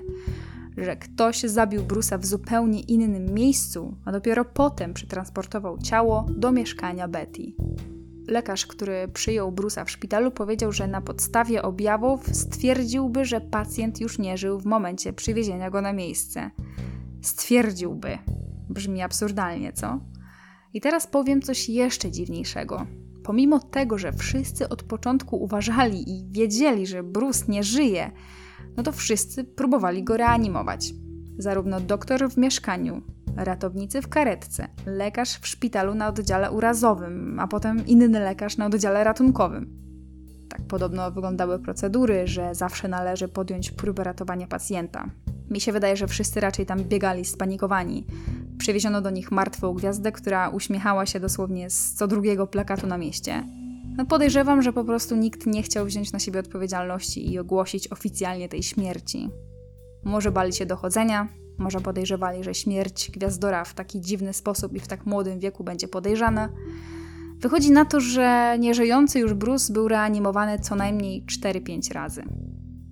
Policjanci, którzy oglądali mieszkanie Betty, nie zauważyli wewnątrz żadnych śladów, które mogłyby sugerować jakąś walkę czy choćby szamotaninę. Na ciele Brusa nie było śladów wkłuć czy jakichkolwiek obrażeń zewnętrznych. Oficjalnie więc odrzucono teorię, że ktoś zabił go w mieszkaniu. Sąd zajął się więc tą bardziej techniczną częścią śmierci Brusa, co tak realnie doprowadziło ostatecznie do jego śmierci. Do sądu wezwano szereg różnych specjalistów: lekarzy, którzy zajmowali się nim w maju, tych, którzy zajmowali się nim w lipcu, patologów, rządowych chemików, a nawet specjalistów sprowadzonych z Hongkongu, Ameryki i Nowej Zelandii. I co? I pstro, bo nikt się tam z nikim nie zgadzał. Jak wyszło z sekcji zwłok, w żołądku Denata była jedna tabletka leku Equagesic i niewielka dawka konopi indyjskich. To by wykluczało zarówno otrucie, a przynajmniej otrucie jakąś znaną substancją, jak i przedawkowanie. Bruce najprawdopodobniej, tak jak w maju, po prostu żuł liście konopy, nie zeżarł ich 5 kilo. Strona amerykańska chciała udowodnić, że nie istnieją żadne udokumentowane przypadki medyczne, w których ktoś zmarłby z przedawkowania konopi indyjskich. Sprowadzony z Londynu patolog stwierdził z kolei, że przyczyną obrzęku mózgu była nadwrażliwość na składniki podanego mu leku albo na meprobamat, albo na espirynę, albo na oba jednocześnie. Tyle, że to wykluczałoby się z tym, co mówiła Betty, która twierdziła, że to nie był pierwszy raz, kiedy Bruce w jej obecności ten lek zażywał. To był zwykły lek, który brał miliony Chińczyków na różnego rodzaju bóle, nieco silniejszy niż zwykła aspiryna. Biograf Bruce'a opisuje to bardzo szeroko. Wyjaśnia na przykład, że ze wszystkich substancji, które Bruce wtedy zażył, jedynie aspiryna mogła powodować taki obrzęk mózgu, a dokładnie to anafilaksję, czyli rzadką, ale silną reakcję alergiczną. Tylko, że no znowu, no byłoby niemożliwe, żeby Bruce w ciągu 32 lat nie wziął do tej pory choćby jednej tabletki aspiryny. Spierające się lekarze nie doszli w końcu do żadnego konsensusu. Ława przysięgłych wygłosiła swoją opinię po pięciominutowej obradzie. Oficjalna przyczyna śmierci Brusali brzmiała: śmierć w wyniku nieszczęśliwego wypadku. Dochodzenie zostało zamknięte. No więc niestety, niby dochodzenie było zamknięte, ale pytań było chyba więcej niż przed rozpoczęciem tego dochodzenia. Większość opinii publicznej uważała całą tę rozprawę za kompletną farsę, zrobioną tylko po to, żeby dać pozory śledztwa no rzeczywiście nic nie zostało wyjaśnione. Przede wszystkim najważniejszy świadek, który widział Denatę jako ostatni, czyli Betty, no nie została szczegółowo przepytana. Odwołano ją już po pierwszym spotkaniu, zadając tylko jakieś pobieżne pytania. ale nie zapytano jej na przykład o to, czy w jej mieszkaniu Bruce zażywał haszysz, czemu nie wezwała karetki tylko Raymonda, a potem swojego prywatnego lekarza, kim był ten czwarty człowiek i czy w ogóle istniał, dlaczego lekarz postanowił przewieźć Bruce'a do szpitala, który znajdował się dalej od jej mieszkania. Kontrowersję wzbudził też fakt, że tuż przed śledztwem odbyła się wstępna rozprawa, całkiem zamknięta dla publiczności. Według oficjalnych informacji urzędnicy mieli na niej po prostu uporządkować całą dokumentację. Tylko, że jak coś się dzieje za zamkniętymi drzwiami, to może to sugerować majstrowanie przy dowodach. Przez wiele lat oficjalną wersją wydarzeń była właśnie ta. Chociaż informacje, kiedy dokładnie umarł, są zbieżne, to przyjęło się, że umarł właśnie w szpitalu po kilku nieudanych reanimacjach. Przyczyna zgonu obrzęk mózgu. Przyczyna obrzęku mózgu najpewniej reakcja na zażyty lek. Cóż, jeśli Was też to nie zadowala, to spokojnie. Od czasu tej rozprawy kilka faktów wyszło na jaw. Faktów, delikatnie rzecz ujmując, no niekorzystnych, szczególnie dla Raymonda Chała oraz Betty Ting Pei. Trzeba było niestety czekać aż do 2013 roku, bo właśnie w 2013 roku Betty Ting-Pei postanowiła przerwać milczenie i po 40 latach w wywiadzie telewizyjnym wyjawić światu prawdę, a przynajmniej jej część. Chociaż wcześniej przez 40 lat zaprzeczała, jakoby mieli romans, to w końcu poniekąd przyznała, że w momencie śmierci Brusa spotykała się z nim już od ponad roku. Co więcej, wiele osób z branży o tym wiedziało. Właściwie to mówiono o Betty jako o dziewczynie Brusa. Poznali się w marcu 1972 roku. Betty miała dwadzieścia kilka lat i była świeżo upieczoną rozwódką. Dwa tygodnie po zapoznaniu Bruce zaprosił ją na przyjęcie w hotelu. Tam po kilku sake zaproponował jej rolę w swoim kolejnym filmie. Dziewczyna od razu założyła, że wcale nie chodziło o żadną rolę, tylko o zaciągnięcie jej do łóżka. Ostatecznie nie dostała tamtej roli, bo filmu w końcu nie nakręcono, ale od czasu tego wydarzenia niby przypadkiem Betty była jedną z tych osób, co do zawsze kręciły się na planie produkcji, w których występował Bruce. Bruce też nie miał specjalnych zahamowań. Wszyscy wiedzieli, że się spotykają. Zabierał ją na randki do miejsc publicznych przez cały czas kręcenia zdjęć do drogi smoka i do wejścia smoka. Raz podobno chciała popełnić przez niego samobójstwo i połknąć tabletki nasenne, ale ostatecznie para wróciła do siebie w czerwcu 73 roku, czyli miesiąc przed śmiercią Brusa. W tym wywiadzie po latach Betty opowiedziała o ciekawej teorii. Śmierć Brusa nazwała dosłownie śmiercią naturalną. Powiedziała, że Bruce musiał mieć jakieś problemy z sercem. Mówiła, że w dzieciństwie miał kiepskie zdrowie, że był wykończony terapią elektryczną, która miała pobudzać jego mięśnie. To narzędzie nie należało do zbyt legalnych, bo taki trening zaburzył pracę systemu nerwowego. A co więcej, poza terapią, Bruce każdego dnia pił koktajl z surowej wołowiny i surowych jaj. W dodatku pracował ponad własne siły. Betty twierdzi, że to wszystko w połączeniu osłabiło jego serce do tego stopnia, że zmarł. Nie wiem, co sądzicie, ale brzmi to trochę absurdalnie, bo ani sekcja zwłok, ani opinie lekarskie nic nie wspominały o słabym sercu. W sumie to nawet nie serce było przyczyną jego śmierci. Dziwne. Betty twierdzi też, że w tamtym czasie nie miała pojęcia, że Bruce ma jakieś problemy ze zdrowiem. Nie wiedziała też o jego ataku w maju. Dlaczego ukrywała, że Bruce zmarł w jej domu? Trochę zmusił ją do tego Raymond Chow, a trochę namówiła ją do tego Linda Lee. Podobno żona Bruce'a doskonale o wszystkim wiedziała i w żadnym stopniu nie winiła Betty za to, co się stało, ale przekonała ją jakoś do tego, żeby Betty kłamała. No to kłamała. Pewne jest, że tego feralnego dnia Bruce spotkał się z Raymondem Chowem oraz filmowym producentem Andre Morganem. Potwierdził to sam Morgan również po latach i od razu potwierdził też to, że Bruce rzeczywiście zażył wtedy haszysz, bo zrobił to razem z nim. Po południu Bruce samotnie udał się do mieszkania Betty Ting.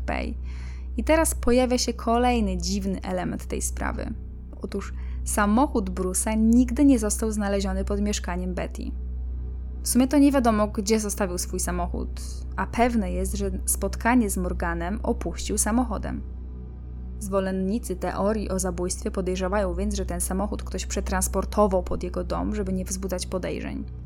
Tylko skąd go przetransportował, tego właściwie do końca nie wiadomo. Jak wyznała po latach Betty, w jej mieszkaniu uprawiali seks. Trudno powiedzieć, co się stało potem. Niektóre źródła twierdzą, że w mieszkaniu zjawił się Raymond Chow, którego zaprosił sam Bruce. Co się stało potem? Bruce około 19.30 poskarżył się na ból głowy. W wywiadzie Betty powiedziała, że Raymond natychmiast zerwał się i wyszedł, bo uznał, że ten ból głowy to tylko wymówka, żeby zostawić parę samych. 15 minut później wyszedł z mieszkania i udał się z Lazenbin na kolację do restauracji. W tym czasie Betty dała Bruce'owi tabletkę Guagesiku. Bruce położył się na jej łóżko, a ona oglądała telewizję. Po jakimś czasie Raymond zadzwonił do Betty spytać, czy Bruce już się zbiera, ale Betty nie udało się obudzić Bruce'a. Pamiętając o majowym wypadku, Raymond próbował dodzwonić się do swojego lekarza, ale bez skutku. Linia była cały czas zajęta. Błyskawicznie wpadł do samochodu i pojechał do mieszkania Betty. Kiedy dotarł na miejsce, Bruce był nieprzytomny. Wtedy nakazał Betty zadzwonić do swojego lekarza. Czemu nie na pogotowie? Autor biografii Bruce'a snuje teorię, że Raymond Chow sam zauważył, że Bruce nie żyje, więc wezwanie znajomego lekarza miało być taką przykrywką, żeby nikt go o nic nie oskarżał. Pojawiały się tu na przykład różne spostrzeżenia na temat tego, czy Bruce był znaleziony przez Chowa w ubraniach, czy bez nich. Wiemy, że wszystkie raporty prasowe mówiły, że Bruce był znaleziony ubrany, a nawet w butach. Biograf Bruce'a Lee wysnuwa jednak teorię, że Raymond, by ukryć, że Bruce zmarł w łóżku kochanki, po prostu ubrał jego nagie ciało. Ciekawe. O 22.30 w końcu zostało wezwane pogotowie. Dlaczego lekarz Betty nalegał, żeby sanitariusze przywieźli Bruce'a do szpitala oddalonego trochę dalej? Odpowiedź jest y, prozaiczna bo kiedy lekarz przybył na miejsce, to już wtedy wiedział, że nie ma do czynienia z żadnym zasłabnięciem, ale po prostu z trupem. Facet pracował w tym pobliskim szpitalu, więc nie chciał robić afery i wolał, żeby cały ten smród związany ze śmiercią gwiazdy rozniósł się po innym szpitalu. Od cała filozofia. Kim był ten trzeci mężczyzna, którego sanitariusz widział po przyjeździe na miejsce? Odpowiedzi na to są różne, w zależności od tego, kto jaką teorię przyjmie za słuszną.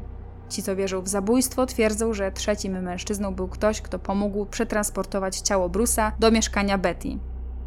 Tylko jaki byłby sens przenosić ciało do jej mieszkania, żeby potem kłamać, że Bruce'a w tym mieszkaniu w ogóle nie było? Nie wiem, dla mnie to trochę nie trzyma się kupy. Druga teoria sugeruje, że to był jeden ze współpracowników Raymonda, którego wezwał po drodze, kiedy jeszcze myślał, że Bruce żyje. Tak samo zresztą zrobił w maju. Po prostu zabrał pomocnika i razem wynieśli Bruce'a do samochodu i zawieźli do szpitala. Więc możliwe, że tu planował zrobić to samo. Trudno powiedzieć. Następnie Raymond wykonał telefon do Lindy, nie mówiąc jej o tym, że Bruce nie żyje. Powiedział po prostu, żeby przyjechała do tego i tego szpitala, bo Bruce znowu dostał ataku.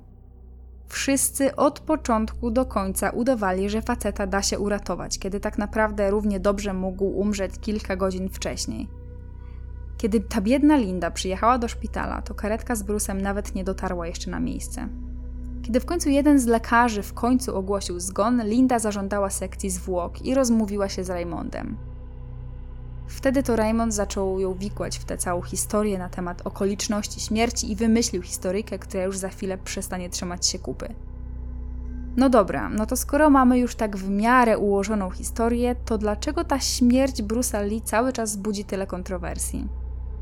No, zarówno wersja z haszyszem, jak i wersja z Allegro, czy tam nad wrażliwością na leki brzmią jak jakieś bajki, których naukowo nie da się udowodnić.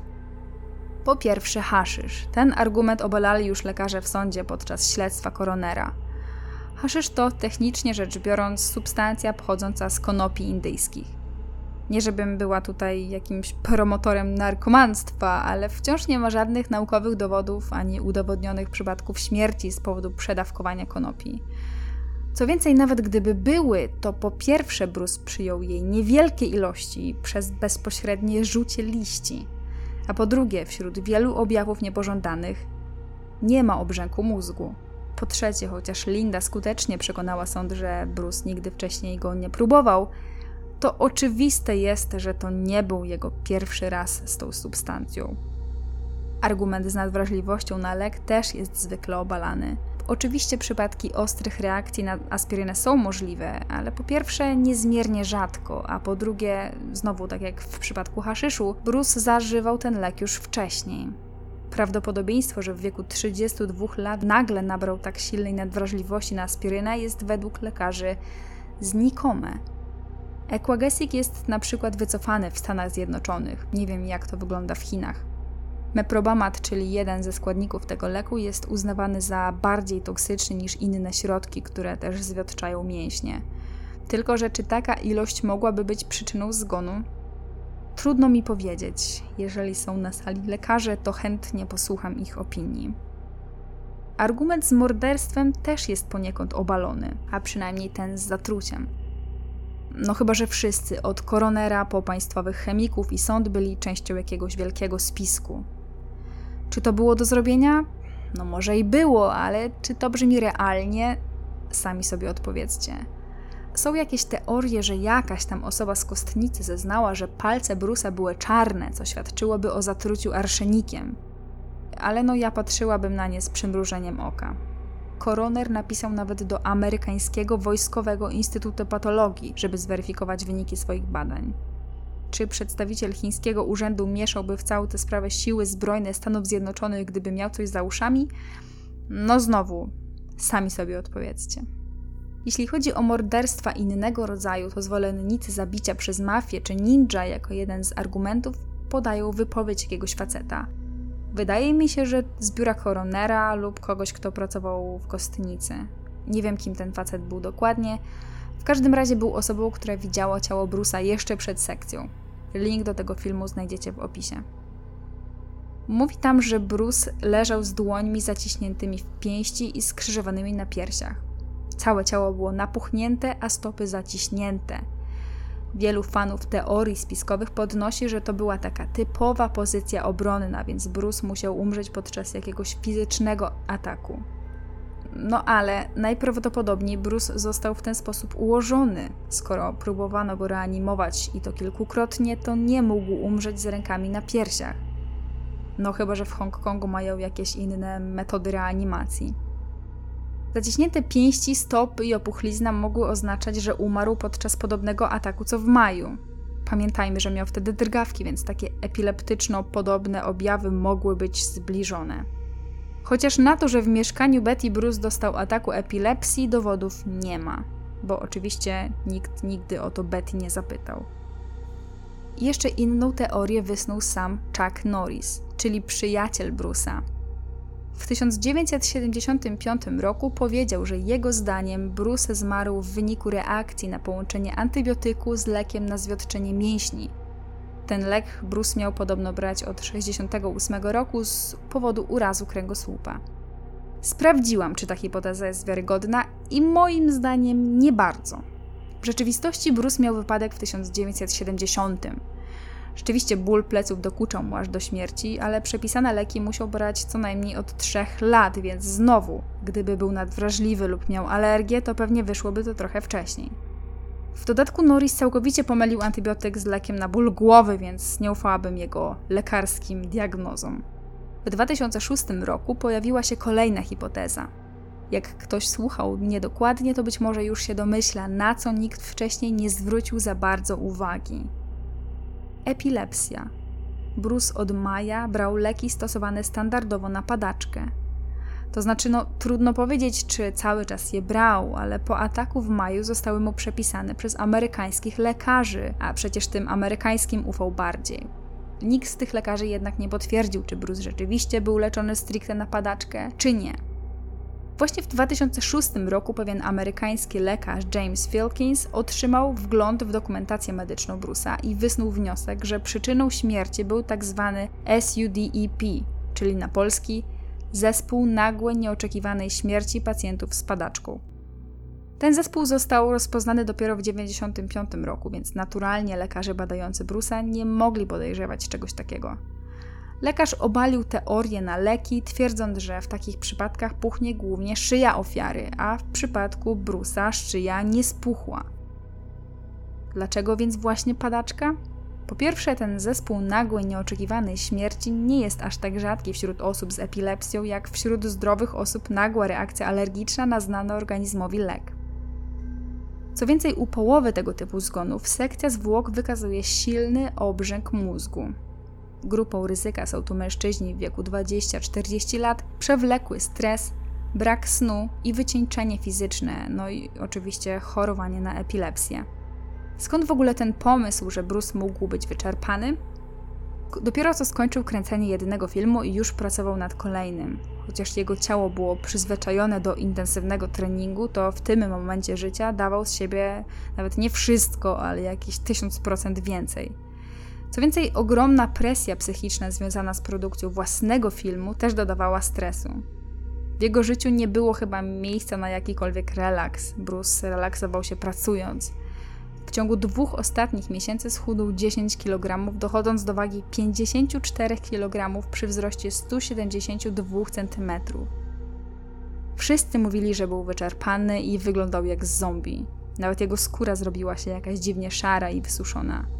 Aktor George Lazenby wspomina na przykład w wywiadzie, że Bruce często skarżył się na ból głowy, ale nigdy nie zgadzał się na przekładanie czy odwoływanie spotkań. Normalnie robot. Jeśli jakaś osoba mogła być w grupie ryzyka, to tą osobą na pewno był Bruce. Amerykańscy lekarze podczas majowego napadu zdiagnozowali u niego idiopatyczny, padaczkowy napad toniczno-kloniczny, to znaczy taki, który nie ma żadnej wyraźnej przyczyny. Czyli miał napad padaczkowy bez chorowania na padaczkę. Ten lekarz z 2006 roku twierdzi jednak, że Bruce musiał chorować na niezdiagnozowaną padaczkę. Czy to prawda? Tego nie wiem. Tego nie da się udowodnić tyle lat po śmierci. Wiemy, że w swojej biografii Linda podkreśliła, że amerykańscy lekarze powiedzieli, że z pewnością padaczki Bruce nie ma. Co więcej, tamci lekarze twierdzili, że Bruce ma ciało dwudziestolatka. Mało wam teorii? No to jest jeszcze jedna. Tym razem z 2017 roku, czyli robi się coraz świeżej. W jednym z odcinków serialu telewizyjnego Reels sądowy patolog Michael Hunter wysnuł teorię, że przyczyną śmierci Bruce'a Lee był kryzys nadnerczy wywołany nadużywaniem kortyzonu. To byłoby pociągnięcie trochę teorii Chucka Norrisa, który właśnie o tym leku prawdopodobnie mówił. Tylko, że Norris uważał, że to było połączenie leków, a Hunter, że Bruce po prostu przedawkował. Czy rzeczywiście ten lek przedawkował? Trudno powiedzieć. Czy po śmierci zbadano mu nadnercza? Tego nie wiem. No i tym sposobem docieramy do teorii autora biografii Bruce'a Lee, który zwie się Matthew Pauli. I tak jak mówię, to nie jest żadna oficjalna przyczyna śmierci. Myślę, że trochę jednak rozjaśnia całą sprawę i stawia dosyć logiczne rozwiązanie. Muszę więc ją Wam naturalnie przytoczyć. Autor skonsultował tę sprawę z wieloma specjalistami, więc to nie jest jakaś hipoteza od czapy. Bardzo ciekawym elementem tej całej układanki, na którą nikt wcześniej za bardzo nie zwrócił uwagi, była pogoda. Tak, pogoda. W dniu, w którym umarł Bruce, temperatura przekraczała 30 stopni Celsjusza, a wilgotność powietrza wynosiła 93%, czyli było bardzo gorąco, bardzo wilgotno i bardzo duszno. Hongkong to region tropikalny, więc dla osób, które nie spędziły tam większości swojego życia, takie warunki mogą być nieznośne.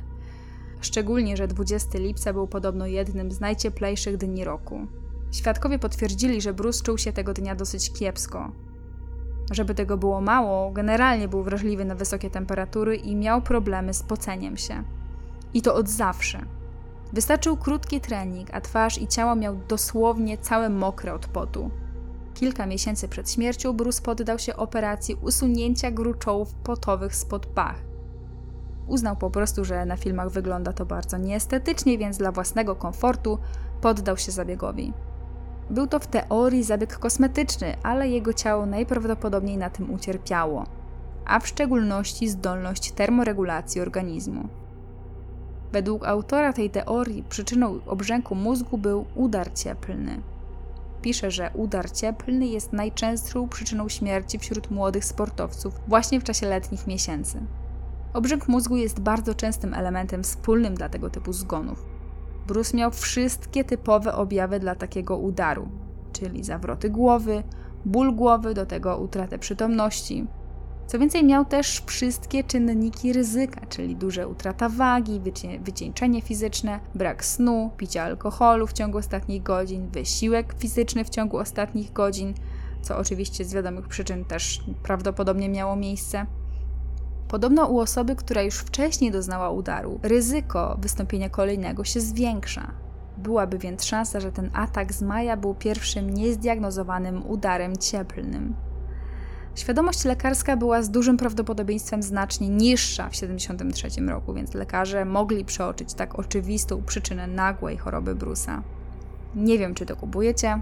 Mi się ten pomysł wydaje dosyć rozsądny, ale tak jak zawsze podkreślam, ja nie jestem lekarzem.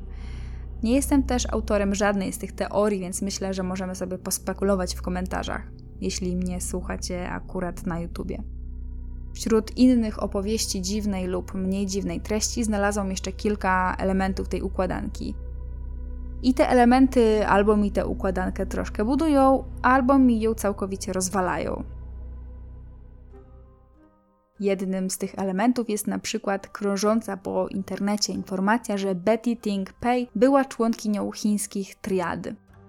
Inni piszą, że nie należała do triady, tylko że była agentką dla klasztoru Shaolin, a jeszcze inni, że w ogóle była wtyką chińskiego wywiadu. Nieważne z kim współpracowała i czy dobrowolnie, czy nie, Betty miała na czyjeś zlecenie podać Bruce'owi truciznę. Ale truciznę o tak tajemniczym składzie z receptury, która miała tysiące lat, że żadna sekcja zwłok tego nie wykazała. Nie ma żadnych dowodów, które w jakikolwiek sposób mogłyby te rewelacje potwierdzić, więc idę dalej. Innym elementem, który mi różne plotki próbują wcisnąć do układanki, to na przykład fakt, że podobno Bruce i Linda pokłócili się o jakieś sprawy biznesowe na krótko przed jego śmiercią i to pokłócili się poważnie. No ale tutaj tak samo, nie mam żadnych potwierdzeń poza plotkami. Idę dalej. Niektórzy powołują się też na wywiad z doktorem Eugene'em Chu, czyli tym, który przyjechał do mieszkania Betty. On w pewnym momencie w jednym z wywiadów powiedział, że źrenice Brusa były bardzo rozszerzone. To według niektórych oznaczało przygotowanie do walki. Cóż, no, mi się wydaje, że raczej mogło oznaczać reakcję organizmu na atak. Idziemy dalej. Są też spekulacje, że Bruce został otruty przez Lowaya, czyli tego reżysera, z którym miał konflikt. Loway według jednej z teorii miał mu podobno podać trutkę na szczury. Doczytałam się informację, że zatrucie taką substancją powoduje podobne objawy, jakich doświadczył Bruce. Ale skąd ta trucizna i skąd Loway miałby się znaleźć w zasięgu Bruce'a tamtej nocy, tego nie wiem. Chyba, że rzeczywiście ciało Bruce'a zostało do mieszkania Betty przetransportowane. Inni mówią na przykład, że Loway miał wtyki w chińskich triadach. Zwolennicy tych teorii powołują się na to, co rzekomo kiedyś powiedział po śmierci Bruce'a Jackie Chan. Dogrzebałam się do plotki, że Loway po śmierci Bruce'a szukał dla niego zamienników, którzy zrobiliby karierę na amerykańskim rynku. Jednym z poważnych kandydatów był właśnie Jackie Chan. Tylko, że Chan nie chciał być klonem Bruce'a, więc odmówił. Podobno wtedy Way miał go właśnie straszyć triadami, ale na to też nie znalazłam potwierdzenia. Te teorie z triadami to jedne z najpopularniejszych teorii, więc naturalnie wiele osób w którąś z ich wersji wierzy. Rzeczywiście bardzo prawdopodobne, że trzymały swoje łapska na przemyśle filmowym. Jest tylko jedno ale. Triady w latach 70. nie działały, że tak powiem, tak subtelnie. Nie bawiłyby się najpewniej w jakieś zagadkowe otrucia Wiecie, oni zwykle zbierali grupę facetów, brali tasaki i noże i po prostu odcinali ludziom głowy. Tutaj oczywiście mogła być zgoła inna sytuacja, bo mogli spodziewać się, że w tej sprawie zostanie wszczęte śledztwo. Jedynym potwierdzeniem takich teorii mógł być jedynie fakt, że Bruce rzeczywiście czegoś się obawiał i że ktoś z dużą sumką pieniędzy się nim interesował. Ale kto to był? Tego nie wiem, więc nie będę na siłę tej teorii obalać. Jeśli chcecie w nią wierzyć, to ja nie zabraniam. Są też na przykład silni zwolennicy klątwy. Podobno Bruce wierzył, że ciąży na nim klątwa i wiedział, że umrze młodo. Pojawiały się nawet informacje, że Bruce doskonale wiedział, że umrze w wieku 32 lat, a dowodem na to miało być wykupienie polisy. Ja myślę, że kwota polisy została zwiększona do ponad miliona dolarów właśnie przez ten jego majowy napad. No, kiedy facet ociera się o śmierć, to naturalne, że chce zabezpieczyć rodzinę, tym bardziej kiedy ma żonę i dwójkę dzieci. Jest jeszcze jedna informacja, którą nie wiem gdzie zakwalifikować. Mam bowiem potwierdzenie tego, że tuż przed śmiercią Bruce chciał najprawdopodobniej zakończyć współpracę z Raymondem Chowem. Znalazłam potwierdzenie, że Bruce faktycznie nie tylko narzekał na Raymonda, ale też uważał, że ten oszukuje go w kwestiach finansowych. Pojawia się więc teoria, że Raymond, który jak wiemy sporo kręcił i ja zdecydowanie nie jestem jego fanką, mógł go całkiem sprytnie zabić. Dlaczego? No powód miał wystarczająco mocny. Jego gwiazda właśnie planowała uciec, robić karierę za oceanem. A kto pozwoliłby na to, żeby jego pieniądze uciekały za ocean? Raymond nawet po śmierci Bruce'a zarobił na wejściu smoka tyle, że teoretycznie nie musiałby go już potrzebować. Co więcej, po jego śmierci stał się w posiadaniu wszelkich praw do filmów Bruce'a. W niektórych, no umówmy się, mniej oficjalnych źródłach pojawia się też dosyć ciekawa informacja. Otóż syn Bruce'a, czyli Brandon Lee, podobno po latach planował otworzyć na nowo sprawę śmierci ojca. Miał to zrobić zaraz po zakończeniu kręcenia filmu Kruk. I tutaj mamy kolejną ciekawostkę dla zwolenników tej teorii o morderstwie albo o klątwie rodzinnej. Otóż w 1993 roku syn Bruce'a zmarł tragicznie w jeszcze bardziej podejrzanych okolicznościach niż jego ojciec. 28-letni wtedy Brandon był na planie Kruk, w którym grał główną rolę. Kręcili właśnie scenę, w której jego bohater ginie od śmiertelnego postrzału z pistoletu. Tyle, że kiedy jego kolega z planu nacisnął spust, to z broni wystrzelił nie ślepak, a prawdziwa kula, a raczej, jak się potem okazało, źle przygotowany ślepy nabój. Postrzelony w brzuch, Brandon zmarł na miejscu. Brzmi strasznie, co? Ale jeszcze straszniej brzmi, kiedy czyta się plotki. Mówię plotki, bo ja nie mogę znaleźć sensownego potwierdzenia tych informacji. Że Brandon chciał otworzyć na nowo sprawę śmierci Bruce'a. Nic dziwnego, że pojawiały się w tym wypadku spekulanci sugerujący, że ktoś bardzo nie chciał otwarcia tej sprawy na nowo. Tak bardzo, że stwierdził, że usunięcie przeszkody w postaci Brandona będzie tu najrozsądniejszym rozwiązaniem. Ale sprawy Bruce'a nigdy nie otworzono na nowo. Trudno powiedzieć, czy cokolwiek by to dało. Minęło prawie 50 lat, żadne dowody się nie pojawiły, Raymond Chow nie żyje od dwóch lat, a rodzina Bruce'a zdaje się skupiać na życiu Bruce'a zamiast na jego tragicznej śmierci. Może to i dobrze? Chociaż w sieci cały czas czytam jakieś plotki i komentarze, że rodzina Bruce'a doskonale wie, co się z nim stało i po prostu ukrywa to przed światem. Bruce w 1973 roku stał dopiero u progu swojej kariery w Hollywood. Chociaż sam tego nie doczekał, to jego rodzina, przyjaciele i współpracownicy na własne oczy mogli zobaczyć, jak z dnia na dzień, w dniu premiery wejścia smoka na zachodnim rynku, Bruce staje się pierwszą azjatycką gwiazdą w Stanach Zjednoczonych. Ale to, czego najbardziej żal, że nie zobaczył, to to, jak dzięki niemu zmieniła się Ameryka. Jego postać stała się inspiracją dla azjatycko-amerykańskiego ruchu nawołującego o równość rasową. Podejście do Azjatów zmieniło się diametralnie. Wejście Smoka wypromowało też zupełnie nowy gatunek filmowy. Wszyscy oszaleli na punkcie sztuk walki. Do nagranych materiałów do kolejnego filmu, nad którym pracował Bruce, dograno sceny z jego sobowtórami. W ten sposób powstała Gra Śmierci. Oficjalnie ostatni film z Bruce'em Lee. Jego tajemnicza śmierć do dzisiaj budzi wielkie kontrowersje. Dosłownie każda teoria, o których dzisiaj opowiedziałam, ma swoich zwolenników. Powielają setki plotek, wymyślają własne i rozbudowują stare. Ile ja się tych rewelacji napisanych przez znawców na Reddicie naczytałam, to moje. A wy co sądzicie o tej sprawie? Co się naprawdę stało z Bruce'em Lee? Zdjęcia ze sprawy jak zwykle znajdziecie w opisie. Dzięki. I said, empty your mind. Be formless, shapeless, like water. Now you put water into a cup. it becomes the cup. You put water into a bottle, it becomes the bottle. You put it in a teapot, it becomes the teapot. Now, water can flow or it can crash. Be water, my friend.